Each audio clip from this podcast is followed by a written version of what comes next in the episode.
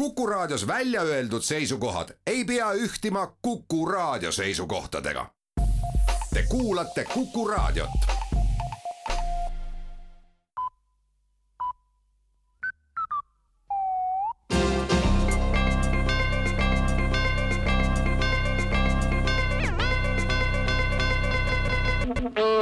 tere kuulajatele, uudistega eetris Rohke Debelak Eesti Energia, Eleringi ja valitsuse esindajad pidasid öise nõupidamise ja arutati elektrivarustuskindluse suurendamise võimalusi tulevikus. maa-aluseid kaableid ei ole siiani suudetud soovitud mahus rahapuuduse tõttu paigaldada, nüüd on aga torm tegemas suurt osa tööst ära. paljud liinid on juba maas ja nüüd on vaja oodata vaid maavärinat, et liinid ka maa alla vajuksid, märgitakse tegevuskava alla kirjutades pikka aega on Eesti Energia loodusega asjatult võidelnud, saamata aru, et loodusel on plaan liinid maa alla saada ja seega inimestele head teha.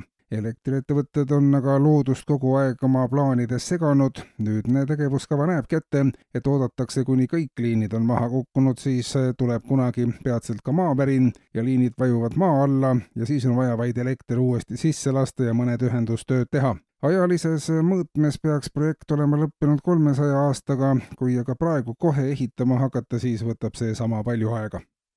Valitsus kuulas eile ära ka arendajate, keskkonnaaktivistide ja teadlaste seisukohad uute kaevanduste rajamise ja vanade taasavamise teemal. kuigi enamikul juhtudel prognoositakse kaevandustega kaasnevat suuremat või väiksemat keskkonnakahju, on uute kaevanduste rajamine siiski perspektiivikam kui loodushoid uued kaevandused annavad teede ja raudteede ehituseks hädavajalikku killustikku ning kui meil on head teed, siis saavad inimesed mugavalt ja kiiresti sõita sinna, kus keskkond ei ole rikutud. Kui kodukandis enam pole võimalik elada, siis mugav vastvalminud kõikidele nõuetele vastav tee kusagile mujale korvab selle ebamugavuse.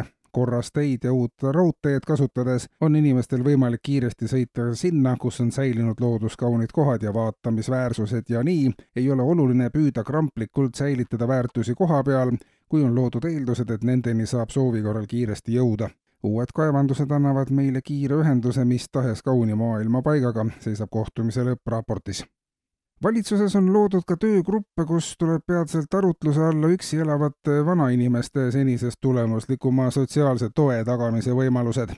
üheks selliseks võimaluseks on inimese staatuse tõstmine koduloomaga samale pulgale. koduloomade heaolu eest hoolitsevad mitmed seadused, määrused, regulatsioonid, inimestele sellised hüved veel ei kehti kui vanainimene oleks aga võrdsustatud koduloomaga, siis avaneks ka loomakaitsjatel ja varjupaikadel võimalus oma hoolt ja tähelepanu senisest laiemas sfääris rakendada ja riik saaks siin vajalikku aega tegelemaks probleemi lahenduste leidmisega, märgitakse töögrupi kokkuvõttes ja lõpetuseks ka kallutatud uudiseid. eile kell kakskümmend kolm õhtul kallutas kollase kastiga veoks suure koguse lund, kased enam neli hoovi ja põgenes. pool tundi varem aga tahtis uut viinapudelit laualt võtta koseelanik Mati Meeltsev, kallutas end voodist aga liiga kaugele ja kukkus sellest välja. tagajärjeks halb tuju.